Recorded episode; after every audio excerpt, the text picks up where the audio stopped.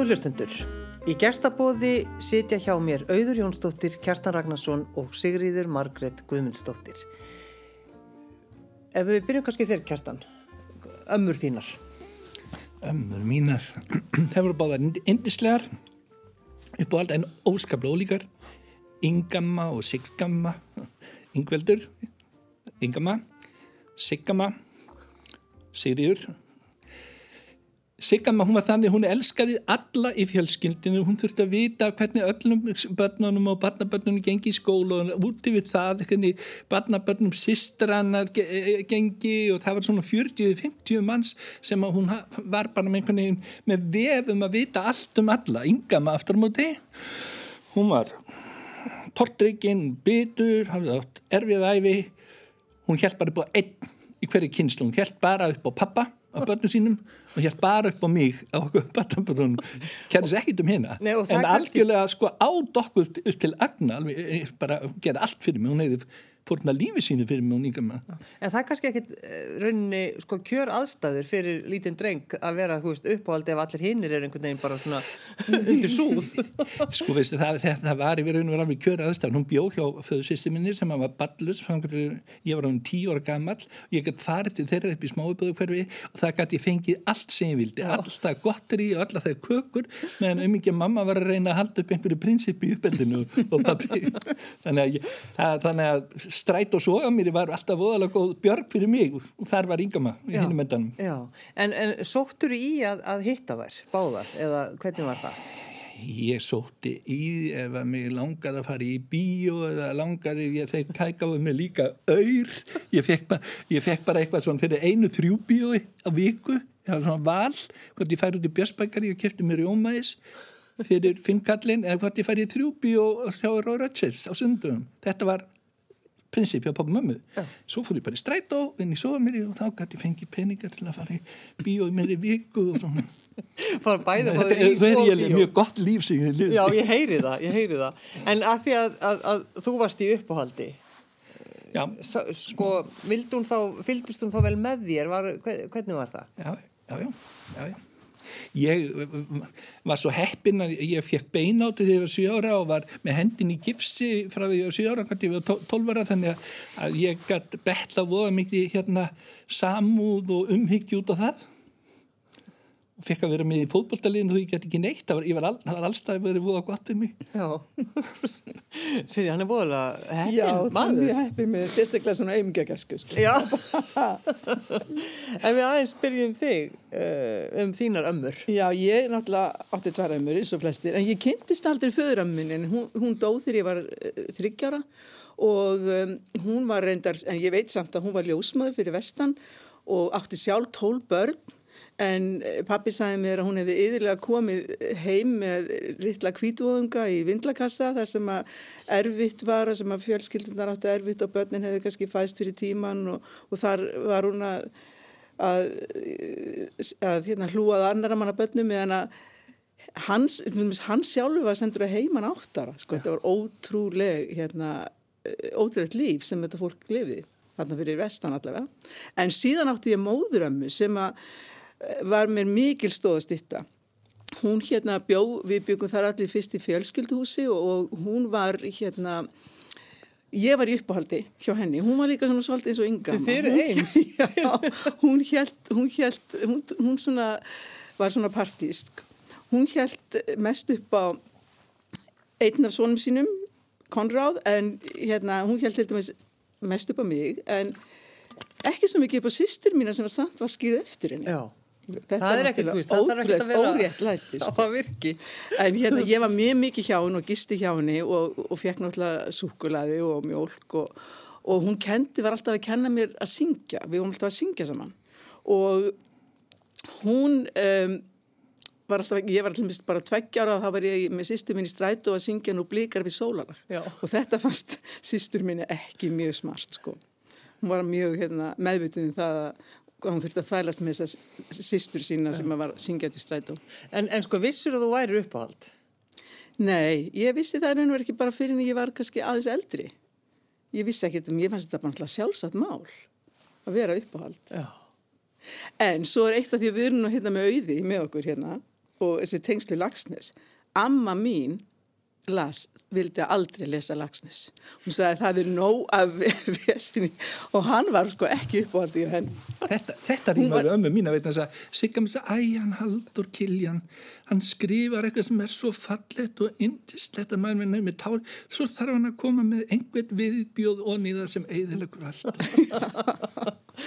Já, en hún var sem sagt eina af þeim sem ekki kunna metta lagsnes Nei Auður, þarftu stundum að svara fyrir Haldur, Haldur Lagsnes?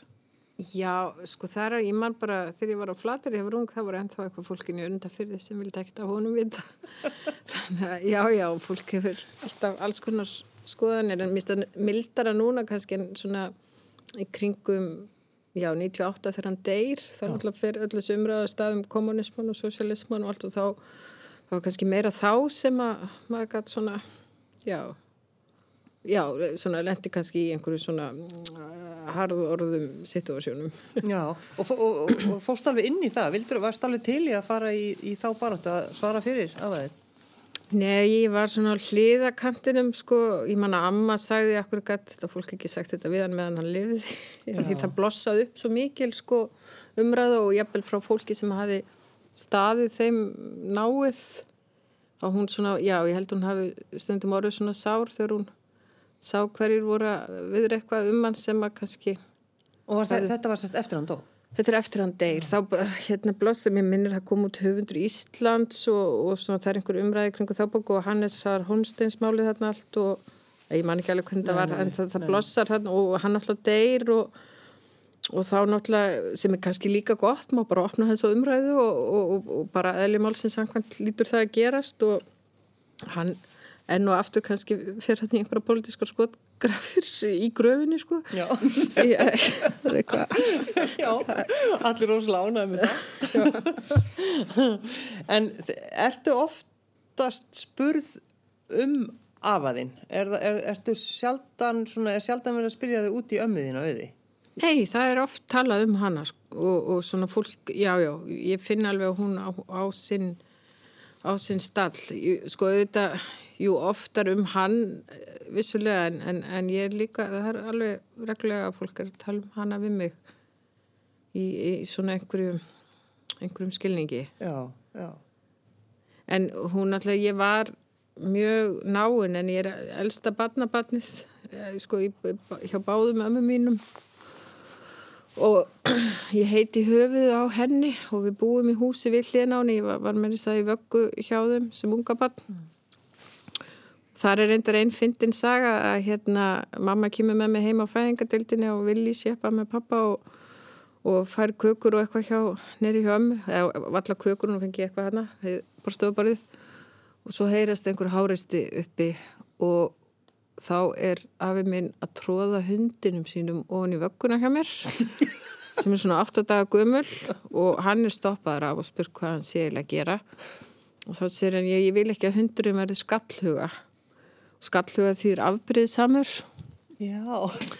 og þannig að hann var að láta hundin sleikja mér andlitið. Og hérna og alla myndir af mér, þá er það svona nýjara er, er, þá er alltaf þessu hundur. Já. við verðum alveg eitt já, í já, og þegar hann dó þá spilaði Afi Bach fyrir mig. Það var sirkjang og var tannlaus þessu hundur að því hann fekk svo mikið sigur, það var alltaf að kalla á hann svona, kom inn í borstofu þegar hann búin að borða.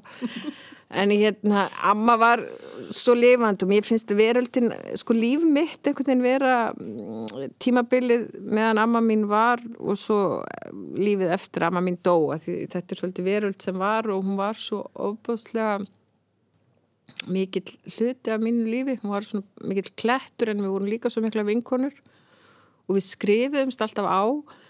Ég alveg bara frá því ég er svona, já, unglingur þá var ég alltaf skrifinni ef ég fór eitthvað lung sendibref um allt ástir mína og mínar og örlug og það sem svona dreif á daga mína Áttu þessi bref? Nei, ég var, var eitthvað að pæli hvar þau væru að því ég vissi að þau náttúrulega lendu öll inn á einhverjum skjálasöfnum þegar amma dó en svo veit ég líka að þau fór eitthvað hvort hún hafði ekki viljað eitthvað af þessu væri á safni og eitthvað er hjá einhverjum fræðimönnum eða þetta, þetta er út um allt þessi Já. Þessar gömlu skriftir mínar og mína fyrstu ástasorgir og uppgötanir. Þannig að já, að svona ég fekk útrás fyrir eh, svona skrifi mín ung með því að skrifa henni bref og hún var líka alltaf að skrifa einhverju fólki og átti vinkunur svo Heidi Sviss sem að skrifa henni alltaf þýsku allt sem dreif á daginar og hérna einu sinni bjóði með í gljúrastinni þegar ég er svona eitthvað um tvítugt og, og ég var í einhverju svona léttri ástasorg og borðaður og svo mikið að súkulaði gott ef amma hefði ekki átt áttræði áttræði samlega fengið ofslega mikið á hérna, konfektkössum gefins og hérna og amma fyrir að hafa einhverju áhyggjur af þessu hvort því sem er einhvers konar sikursíkja þegar maður fann að kynna sér Herbalife og Núbólétt og svona. Og, og Hæti var næringafræðingur frá Sviss og sagði nei hún þarf bara ást. Hún er, að, hún er að borða ást því að hún færi sér sikur því að sagt þetta á kjarkóður eða svisninsku þýsku Þetta, það- já, umvitt, þú bara múst að drekja sorguðinum í með Hver gerir það ekki? en, eh, sko, hinn amaðinn, Hina með mín hétt Ranvi og ég líka fyrsta hérna barnabarn hennar og þær voru frængur e, sem sagt, þær voru skildar og voru miklar vinkonur.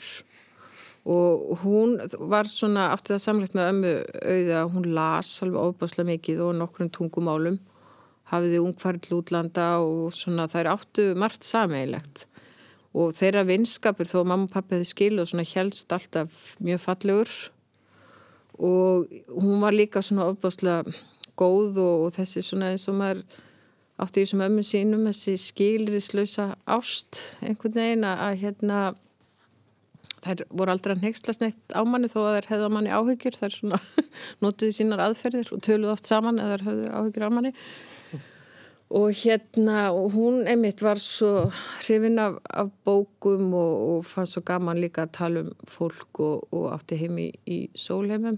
Og hún var sem sagt lömuð og, og, las, fekk mikið af bókum alltaf af bókasaflunni og, já, drakk oft þegar maður kom til hennar ávaksta til og talaði um eitthvað sem hún hafði lesað, hún hafði mikið áhuga ættfræði líka. Var mjög merkileg kona því að hún svona, já, þurfti að berjast fyrir því bara eins og að fá að hafa börnin sín hjá sér eftir hún lamast og, og svona var mjög, já, svona merkileg kona um, mjög margt. Var hún ung þegar hún lamaðist? Já, hún, hún er það og hérna, og var það alveg, já, áratugum saman af, af, af sínu lífi. Og hérna, en þær áttu þennan fallega vinskap og þannig ég, já, ég hugsaði alltaf um þar sem frængur sem þar, sem þar voru. En ég var náttúrulega, ég var miklu tengdari, ég var svo mikið tengd uh, með minni auði. Og hérna, já, þannig að finnst ykkur að skipta máli að vita, sko, að þekkja vel ömmur ykkar? Þú veist, að vita svolítið svona söguna. Maður hefur aldrei hugleitt en það er svo sjálfsagt það er svona eins og finnst mér skiptið máli að þekkja hafa þekkt pappa minn og mömmu. Ég, jú, mér finnst það til, til dæla skipta að sjálfsögðu það, í, í, í, mínu tilfelli þá var, þá var það svo inngróið sko önnur bjó alltaf í sama húsi eins og, eins og pappa og mamma og við byggum í sama húsi, stór fjölskenda og eins og ég var að segja um hina, ég gætt hlaupið í stræt og farið til hana þeim ég síndist Jú, jú. þannig að það skiptu mig mjög, mjög miklu máli. Og svo hérna eins og auða er að segja um ömmu sína og, og náttúrulega kemur ennþá freka fram í síningunni sem hún er að fara að gera hjá okkur í kvöld upp í landbárseti en það heitir svo síning auður og auður Já, auður og auður. auður og auður. Katri Jakobs sagði tíma við mig, hún spurði spur mér svona, varstu mikið með ömmuðinu? Ég segi, já, hún segi, ég heyri þegar fólk hefur verið mikið með ömmu sinni, það var svona kjarnmælt og það fer á eitthvað mellir kynslu. Hvað segir þú, Sýri? Finnst Ég þér það mikilvægt sko, að að Já, mér finnst það mjög mikilvægt og Já. það sem ég raun og verið að koma upp hjá mér núna mér langar orðið að fara að grenslast miklu meira fyrir hana bara um bara hvað hún var fa- fara hvað hún var fætt, hún var fætt í hún á sístlunni þessi Elisabeth amma mín sem Já, að þessi- ég þekkti mjög vel. Já, og, og, og ég veit hún átti mjög erfið að æfi og mörgt sem kom og það er svona já, mér langar svolítið að fara aðeins að tala við frænda minn sem þekkt hana betur og fara að fá svona meira því að einhverju þetta vegna þegar þó ég hafi verið mikið hjá henni þá var ég er ekkert mikið að þegar maður er barn þá er maður ekki svo mikið að spyrjast fyrir Nei, nei, þetta er bara ömmur, og amma. maður hefði náttúrulega þurft að vera miklu forvittnari og ég vildi óski ég hefði gert það. En svo veit maður, ég veit um vinn mínir sem hafa verið að svona byrja að gramsa þá kemur oft í ljós og það væri kannski aldrei að vita nema svona efri árum að þá fari ég, fari ég einhver gömur skjöl og leita einhverju brefum og svona hvort það kannski. Þau eru miskusti valla á skjálasafni eða hvað? Það er nú Ég það hluti sem það er alveg ótrúlegustu hluti Já. sem fólk fer, sem fer þangað og alls konar svona skráningar hjá síslumönnum og, og það er að lesa svolítið mikið í það, ég veit eitthvað, eitthvað af hennar fjölskyldu fluttið til, fluttið til Ameríku eru vesturvarar, Davidson fjölskylda í úta held ég, það er eitthvað mínir, hérna það er gamri ættingar. Já, en svo er náttúrulega þar, þetta tímabil hjá manni að, að veist, amma er bara amma og maður er einmitt ekkert einhvern veginn sérstaklega pælaneitt í því eins og þú auður, þú veist, hvað, hvenær hugsaður allt í innu að þetta væri, þú veist, þetta, þú yrðir að kynast henni vel. Ömmu, sko við áttum, við vorum svo mikla vingunur og það var svo mikið svona flæði í okkar samtölum þannig að einmitt þegar ég svona byrja að fóta mér inn í fullorðins árin þá var hún oft meira svona nýmóðins í hugsun en ég. Svona fannst til dæmis sem ég lagi ekkert á að vera að hitta einhvern mann og, og svona þú veist hún, hún já var þar og, og svona maður fann oft svona eitthvað, svona- einhvern svona undirtón eins og þegar hún sagði einhvern tíma við mig þá maður gifti sig þá heldur áfram að vera til fullt af skemmtlegu fólki. Það var eitthvað svona sem kraumaði þarna. Þannig Já, og henni var mjög mikið svona í muna að ég svona bæri mig vel að ég væri ekki á feit og, og ég væri svona, já, vel til fara og einhvern tíman, að ég bjó oft hjá henni. Einhvern tíman vaknaði upp og hún hafi sett miða á náttbórið mitt og meðan hún stóð venduði á að vera stilt, vinnusum og þrifin, annars ferðu engan pilt ef þú gengur rifin.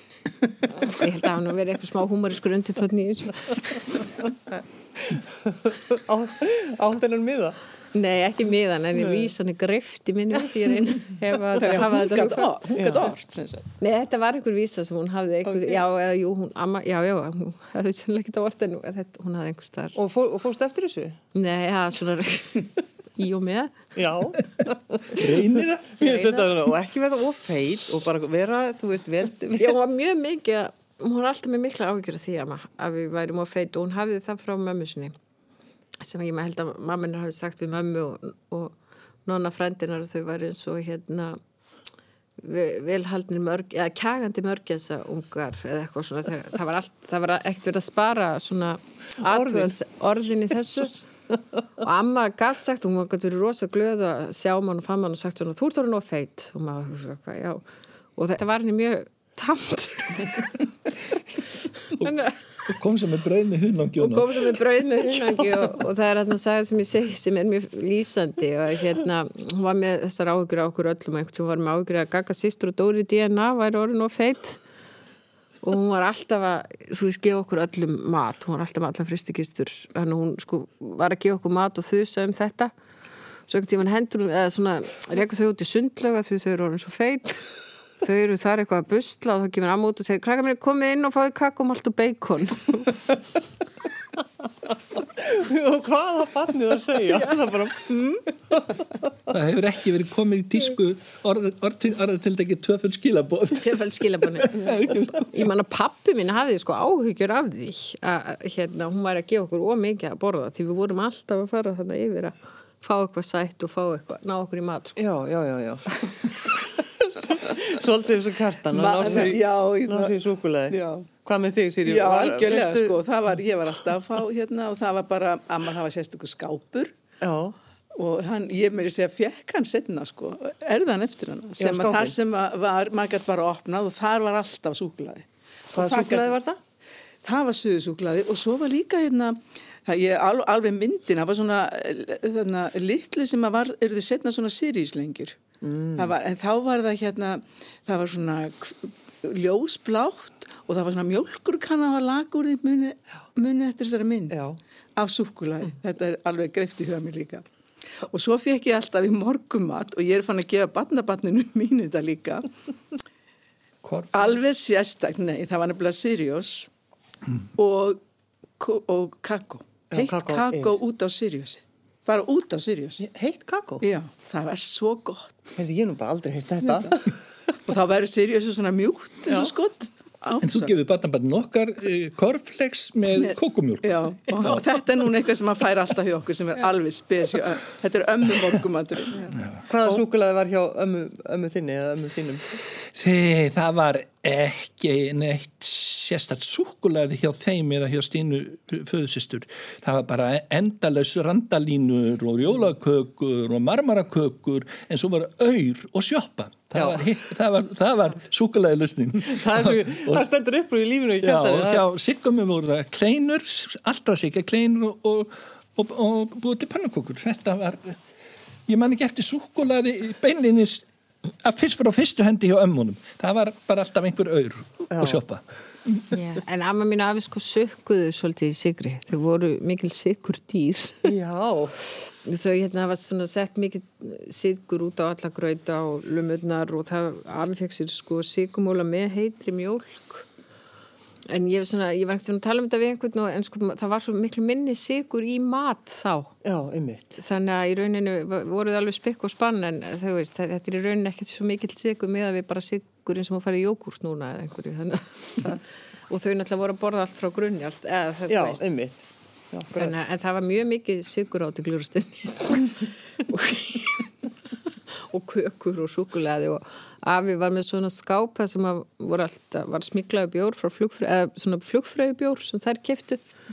Pappi fór og sótti fyrir hann og, og svo voru hafanavindlar og svo var alltaf mikið sukulega og bjórsikri inn í skáp. Já.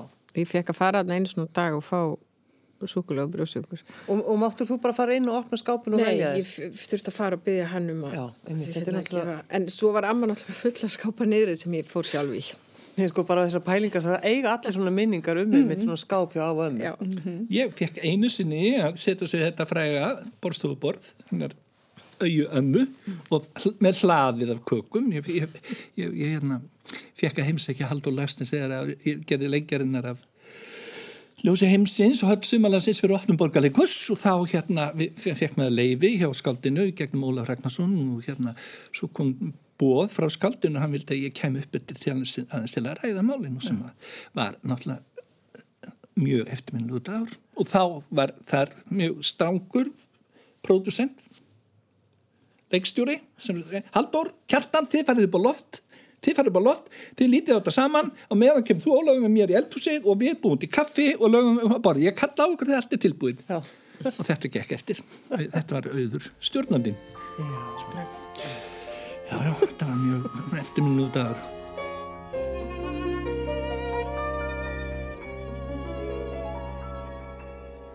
Nú við skiljum um sín, ég strík vanga þín, þá varirnar mætast, hjartlátt ég finn.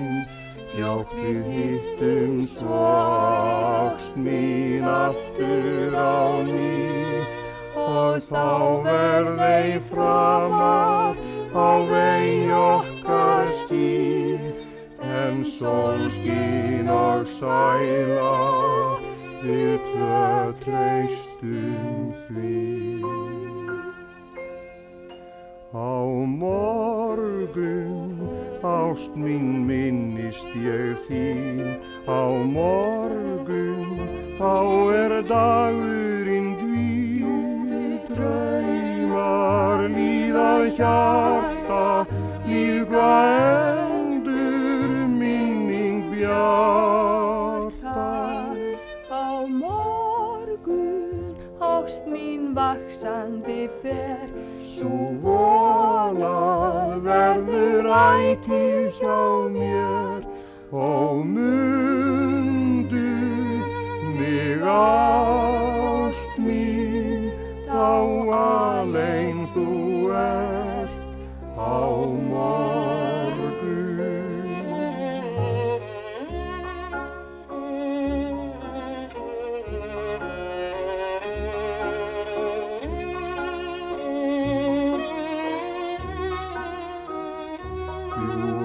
Draumar líða hjarta, lífla endur minning bjarta.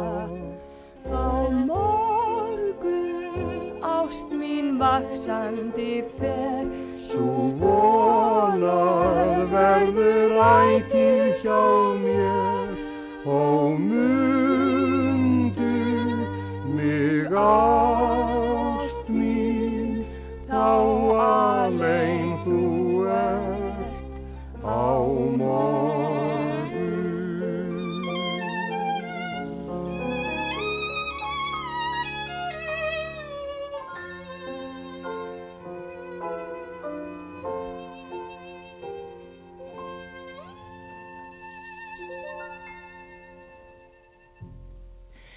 Framundan er í kvöld uh, frumsynning. Hver, hver fekk hugmyndina? Hvernig byrjaði þetta allt saman hjá okkur?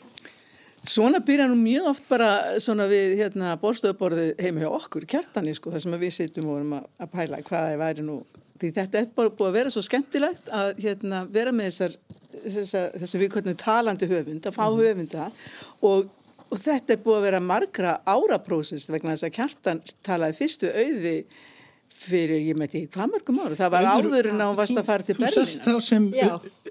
já, þú, þú, þú varst búin að gefa þessu hérna svona, já, svona möguleika að ræða þetta og hérna, sem, ég held að ég hafi hitti inn í borgarleikursi, ég var að setja miljara með hennar og þú varst eh, höfundur borgarleikursins þar á þig, við hittist þar upp á fjóruða hæð og þá nefndi ég þetta aðeins við þig og þú sagði, já, við skulum bara aðtúma máli og svo þegar ég ringdi í þig um haustasni því miður ég er að flytja til Berlínar. Já, já. Þannig að þetta, Þetta- er búið að vera lengi að gerjast og það gerist oft þannig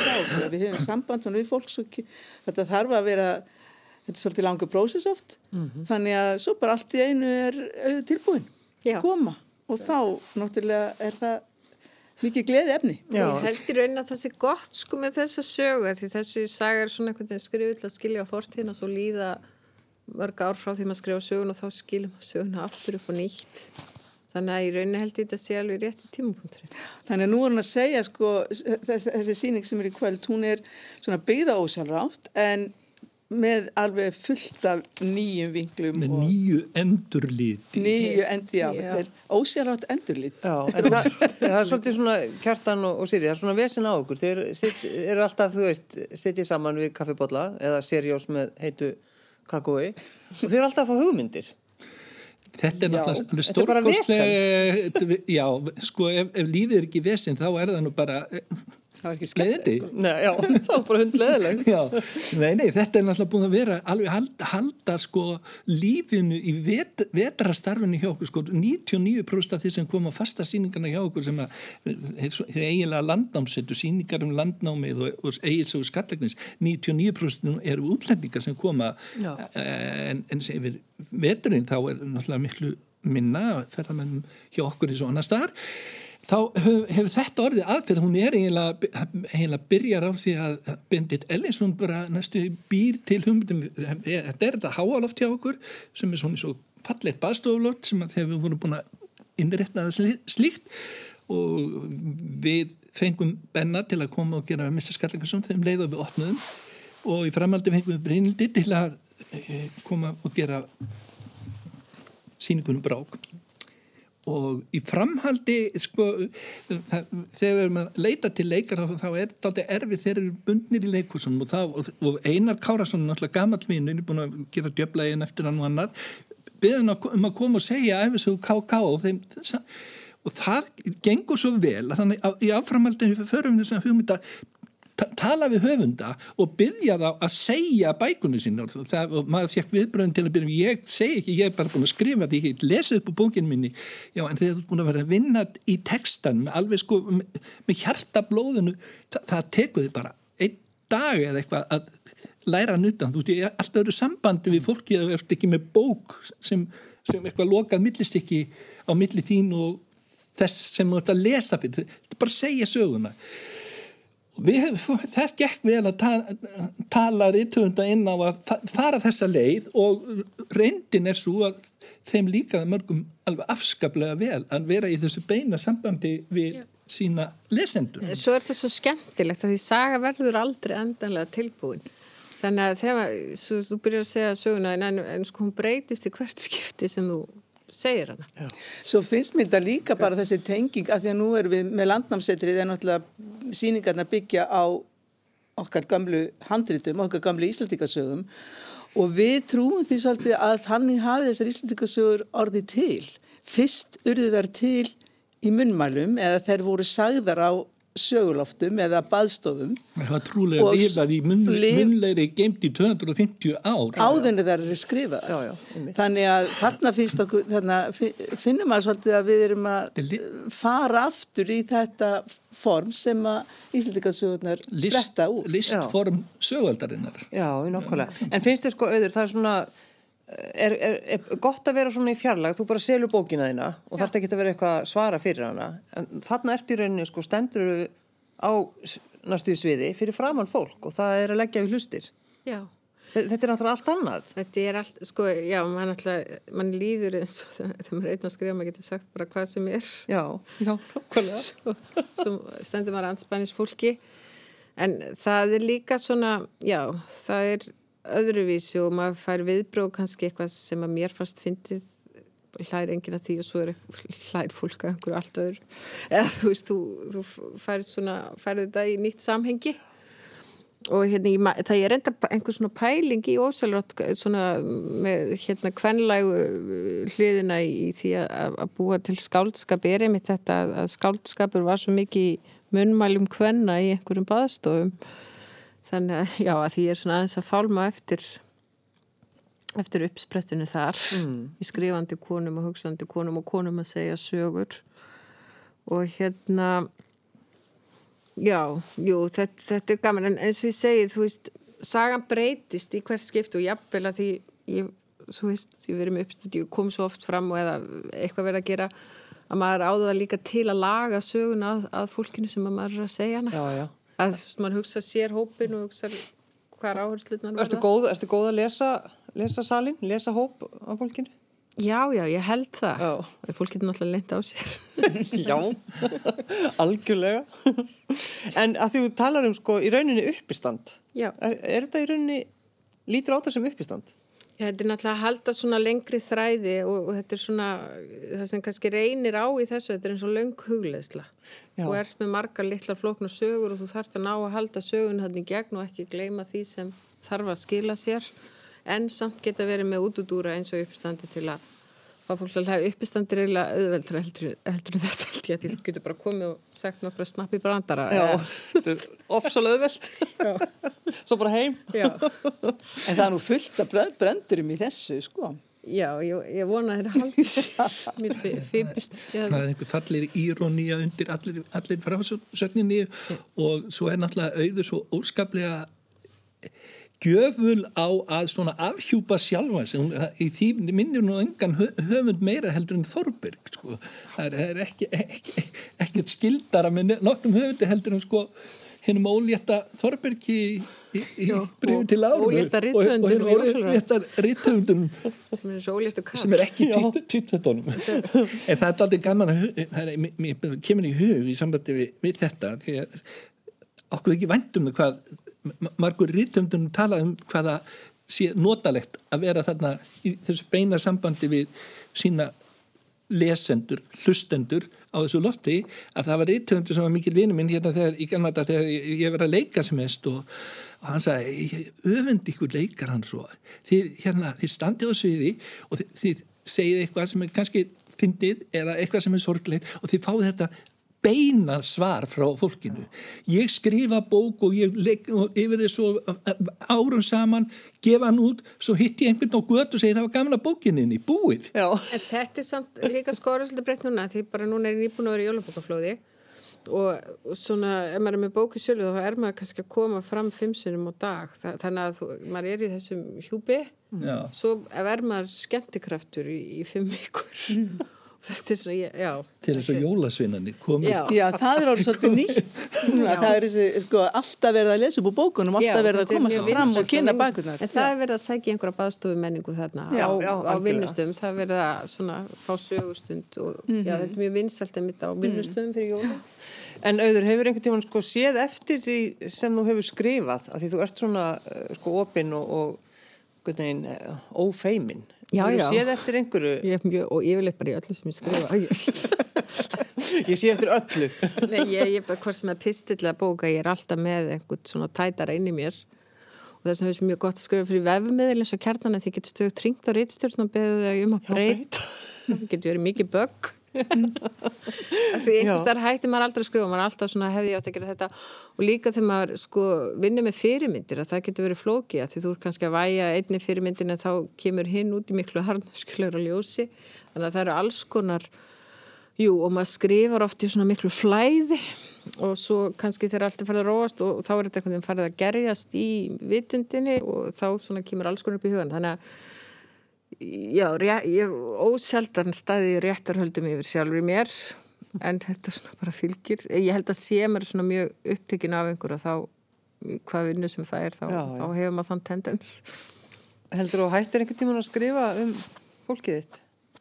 Ég, ég, sko, ég held í fram að, að það, sko, við, skáld hefur bara alltaf sinn hugarheim, hvort sem við erum að gera skáldskap eða sjálfsæfisugulega og í þessum tveimu bókum það sem ég farið svona djúft inn í það sjálfsæfisugulega að það hefur svona litað hérna bækunar eins og ég skrifi ekkert um sjálfsæfisugulegt en ég hef alls ekki gert það, það er í raunar, raunar í minni hluta en hérna Það vekja náttúrulega svo miklu aðtikli. þær vekja aðtikli út af þessu og þær fá til dæmis er öðruvísi að gefa eins og ósvöld út í útlöndum með hér þetta er lesið allt öðruvísi, hér er miklu meira eins og sé verið að lesa síð og heyrt og bara hver er þetta og, hver, og, hva- og hvað er þetta þessi og, Já, alveg viðminn góður. og stundum er búið að setja ránga mannesku þú veist, hérna þú veist, ætla þetta að sé einhver annar en það er.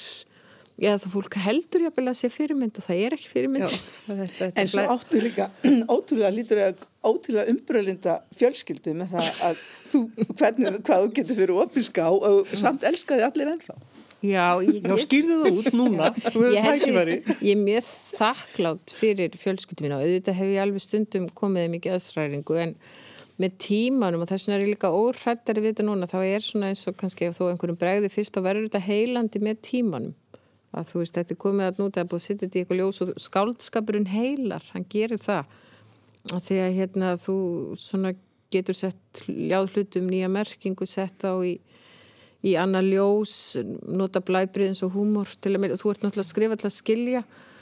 Og stundum finnst mér þetta kannski svona, já, þetta verður einhver svona já, það getur verið einhver svona speklun á eitthvað og, og svo náttúrulega er ég, stundum veit ég ekki hvað gerðist og hvað ég skáldaði því minnið í okkur er þannig.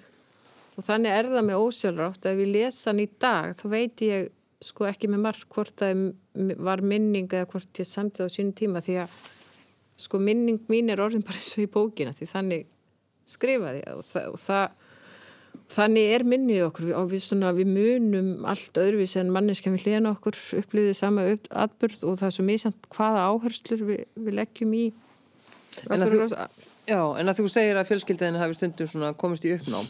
Já, já. Og ert að tala um það alveg í alvöru, þú veist, hef- hefur fólk verið það reitt út í að það hætti að tala við þig og svona? Þau Í ekki beinleginni svo er rey... Nei, það var enginn hægt að tala um mig.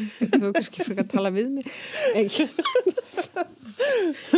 en þeir, sko, þeir, eins og hérna, sýsti mér maður eitthvað flissa, það er ekki svona bara, hérna er auðvitað að fara að gjóðbóku þetta bara, hvað kemur þessi jól? Þetta er svona svolítið, svolítið brandar. Það er stundum svona, einhver segir svona, já, þetta var nú kannski meira svona en svona, og, og, en þetta er orðið einhvern veginn svona í, í skáldskapnum en þau eru þau verðast hafa einhvern veginn lúmst eh, gaman að því eins og fóreldra mínir og þau hafa verið eiginlega alveg ótrúlega örlátt á, á sjálfsig og, og leift mér og sínt mér alveg rosalega skilning, bæði sko.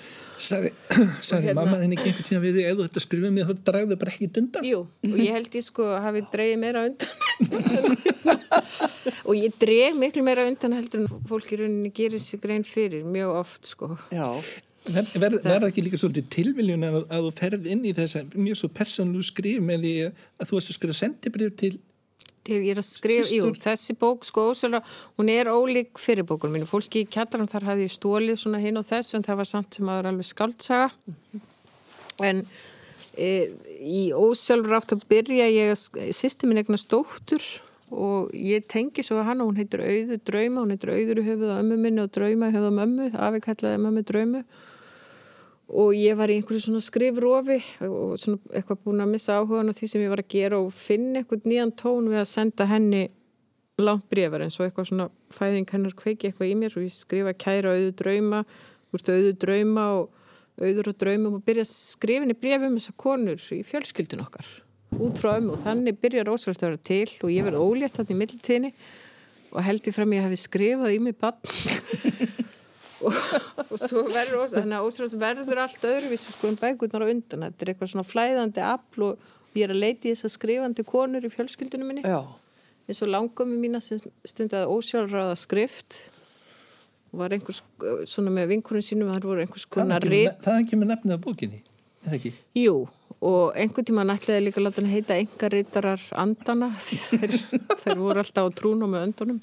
en eh, sko á, á þessum tíma þessi ósalráða skrift, þetta var á einhverju svona tíma þar sem þetta var voða vinsæl. Þetta var mjög móðins í Vesturbænum, það var mikið og mikill svona, já, þetta spiritismi hafi verið móðins og ég var einhvern tíma að tala við bladakonu um þetta, einmitt er bókin kom út og hún sagði, já, afi minn bjóð þarna bárakutunum líka og hann var alltaf að fljúa á nætunar og spórutur líka þetta Siggamma á, ljósalöggutunni, Já. konan í næsta húsi, hún kom og skrifaði ósalöga skriftin í stóðu hjá ömmu. Já, þetta er verið Svo ekki leiðmis núna í hinni síningunni sem við erum með, Öksinni, Agnes og Freyrík, þar kemur ósjálfræðskrift mjög mikið við sögum. Já, Við nákvæmlega. ekki Ekki segja meira. Nei, Ekki segja meira. Já, er dálítið- þetta er skemmtilegt hvernig au, auður þróa sem rítumundur. Núningurinn á milli Þorbergs og Halldórs, Þorberg var alltaf að segja það er svo tilgerðalegt að skrifa og búa til einhverja vittleysi sögur við hliðin á lífinu. Það er heiðalegast að skrifa um lífið sjálf og þetta var bara bein pilla á, á, á En núna verði ég að fá að segja eina skemmtilega sögu á búskap mínum og ömmu minni. Að það var allt svona nokkuð frjálslind þar, amma mín og svo mörgu vön. Og hérna einhvern tíman er ég á einhverju skralli í bænum, ég er á 22 og ég hitti tvo vini mína. Og þeir voru að koma bókmyndafræðipartíi og þar hafi verið tekist á um hvor væri betri höfundu Þórbergur eða Lagsnes og Geggjapartí. við- geggjapartí og þeir koma þarna þegar verða að loka 22 og hitta mig og ég segi fyrir bara byrju gljúrastein og hérna það er nóg vín þar að því að maður alltaf svona ekki svo mikið vínum sendur einhvern sendiröðum fyrir jólin. Svo við förum þarna meðan ótt í sundlaugina og drekkum eitthvað vín úr skápnum. Svo vakna ég daginn eftir við að amma minn kallar auja hvað eru margir naktir kallmenn í húsinu? Og það, þeir drepist þarna einhvers þar og annar í rúmunans afa. Og það var hann sem hafði haldið með afa og hann bara vaknar með ömmu yfir sér að rópa þetta. Og sér svo bara einhverja mynd þarna afa með páanum og heldur hann sé að fá svona sínir í þingunni. En svo bara gaf amma í morgumat og allt í lagi. Það eru margir naktir menn hann uppi. þú, þú Hún talar um... hefur ekki kallað allt ömmu sína. Nei, Nei, gerði það hún auður. Ég, þetta er náttúrulega alveg stórkostlegast að maður, maður ímynda sér það að hún hefði alveg haft ástæði til þess að skammast. Sérstaklega að stelast í vínskapin. Mm. Þú talar um breyðafjörðar ílskuna. Já. Hvað er það? Þetta er skapgerðar enginn í kvenleik mínum sem ég fekk og lítið af, eða sama sem ekkert sko. Þetta er lýsið sér í svona mynduleik og hvað hann sér til orð svo æðis og það er ekkit, þú veist, það er einhvern veginn allt leysanlegt með kannski óhefbundum aðferðum en ákveð um, umfram allt og, og þetta er svona vera ekkit að skafa af skoðunum sínum eða því sem þurfa að gera og það er svona ákveði reyngjörningar æði sem fylgir þessu og svona reynskilin eins og verið að segja fólk held að það sé og feitt og, og nú þurfum bara að gera það. Þetta er svona eins og ég upplifið mjög sem kvenlegan mynduleika sem þegar ég er ung og kannski þannig var mér til trafala að geta svona fundið konuna í sjálfur mér því ég átti svo erfitt með að finna þetta element Svona í- konur sem taka málinn í sína hendur. Já, taka málinn í sína hendur og það, ekkit, það er ekkert, þú veist, takt að segja við því. Það er bara gengið í málinn og sagt það sem þarf að segja og já, það er einhver svona ofbásleg skipulagsgáa hérna í og en líka rassakost og æðalæti. Já, já, já, já. En þrýverð, það er vennilega bara Já, húsdrif. það er svona, já, það er stögt verið að, það er stögt verið að gera eitthvað og þrýfa eitthvað og stögt að fyrir að. Já. Er... Hvernig gengur þér að, að að gera það, auður? Ég, þess vegna svona átti ég svolítið erfitt uppdrátt í, í, í þessu öllu og Já. hérna og kannski mamma mín líka við áttum svolítið erfitt með svona að sanna okkur þarna. En auður eldri hafði þetta ómælt. Hún hafði þetta ómælt og frængur hennar og mamma og svona, já, og þessi fjarskilda frænga mín í Ósvöldrátt og ein, ein góð sagði hvað hún hefur verið myndaleg og sem ég bara stelast til að segja út og síðan með auður segja frá síningunni sko hún, það, henn, það var vist ekkit fyrir henni ein, einu sinni ringir Haldur uh, frá útlöndu sem auður mín Þetta er. Já, þetta verður búin að spin, byggja sundlu þegar ég kem heim hún var búin að því Já, Já, þú meina, Já. það var bara símskeitir, þið gjör svolítið að byggja sundlu. já, bara viltu, já, og hún gerði það. Það er ekki hægt að segja að Haldur Lagsnes hafi ekki verið tilætlunum samur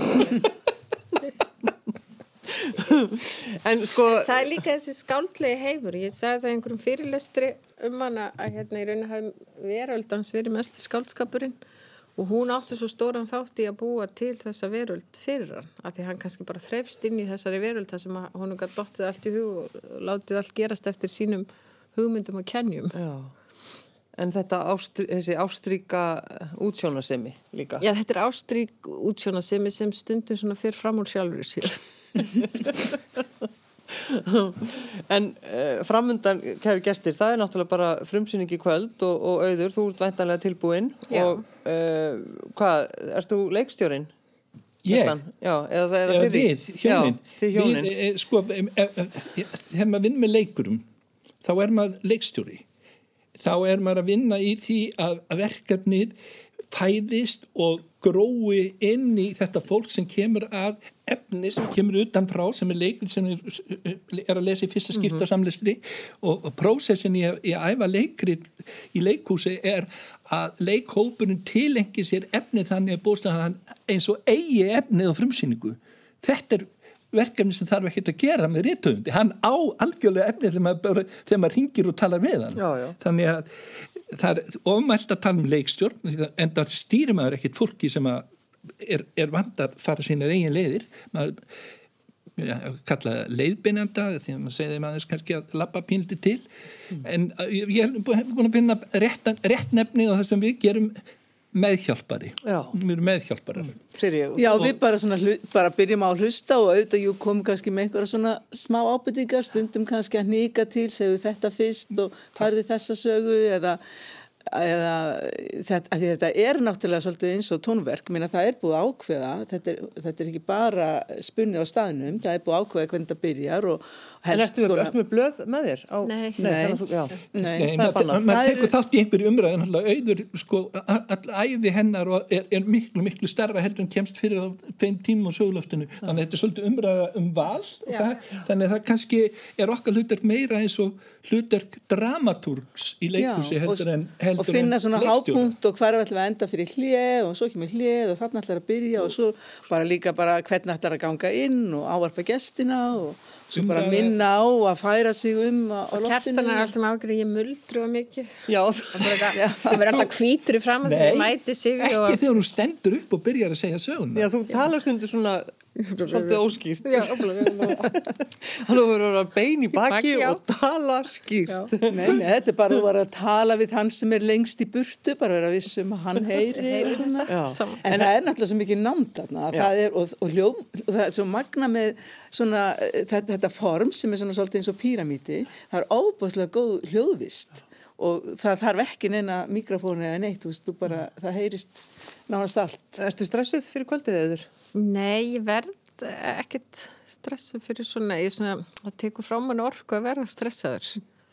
Og ef mér fýpast þá segi ég bara ég er mennsku og held áfram. Já.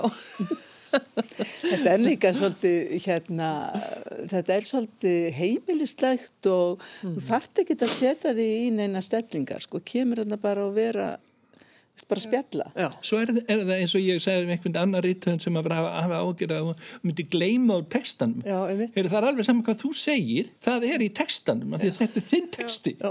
En maður það er svona samt að passa með svona ákveðni punktar skilir sér til að sagan haldi sér, að gleyma þeim ekki, gleyma frekar einhverju öðru. En svo er, finnst mér best fyrir allt svona, maður þarf að eitthvað standa fyrir fram fólk, að hugsa ekkit um það. Nei. Það, það er mest að líkutin á að þetta líkist það. Þannig að þú ætlar ekkert að hugsa um þetta Nei. fyrir inn í kvöld. Var gott að fá okkur hingað, Auður Jónsdóttir, Kjartan Ragnarsson og Sigriði Margrét Guðmundsdóttir. Takk fyrir okkur. Takk.